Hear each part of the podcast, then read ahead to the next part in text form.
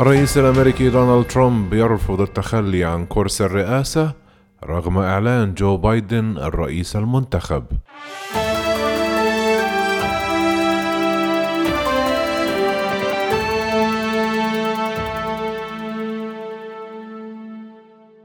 بعد نحو شهر من إجراءات الانتخابات لا يزال الرئيس الأمريكي المنتهي ولايته دونالد ترامب يأبى التخلي عن كرسي الرئاسة رغم الإعلان عن انتخاب جو بايدن رئيسا للولايات المتحدة.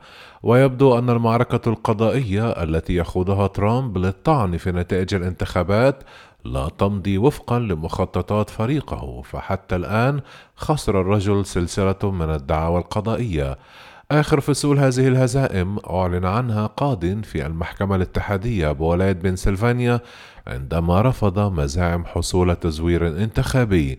كما انتهت إعادة فرز الأصوات التي طالبت بها حملة ترامب في ملواكي أكبر مقاطعة بولاية ويسكونسن بحصول بايدن على مزيد من الأصوات.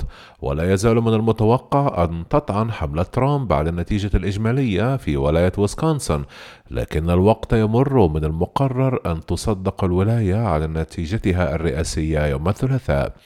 وبدورها انضمت جورجيا بشكل رسمي لقائمة الولايات الحاسمة التي خسرها ترامب فقد تم الإعلان عن بايدن منتصرا فيها بعد إعادة فرز الأصوات في الانتخابات ورغم إعلان بايدن فائزا بولاية أريزونا يعتزم الحزب الجمهوري تقديم دعوة قضائية جديدة للمطالبة بالتدقيق في بطاقات الاقتراع لتحديد ما إذا كان قد تم فرزها بشكل صحيح أم لا.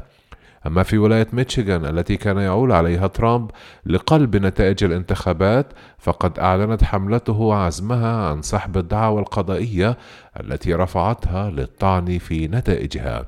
وفي نيفادا أيضا رفضت قاضية طلبا قدمه فريق ترامب لوقف المصادقة على نتائج انتخابات الولاية وأصبحت بوادر الإخفاق واضحة بحسب مراقبين بعد خسارة ترامب أكثر من 33 دعوة للطعن من أصل 40 وقد يكون أكثر ما يلخص هذه الخسائر المتوالية المريرة بالنسبة لترامب ومعسكره ما أكدته محكمة الاستئناف في بنسلفانيا حيث قالت إنه حتى ولو سحبت من بايدن كل الأصوات التي طعن فيها محامو ترامب فإن ذلك لن يؤثر في فوز بايدن بأغلبية أصوات الولاية.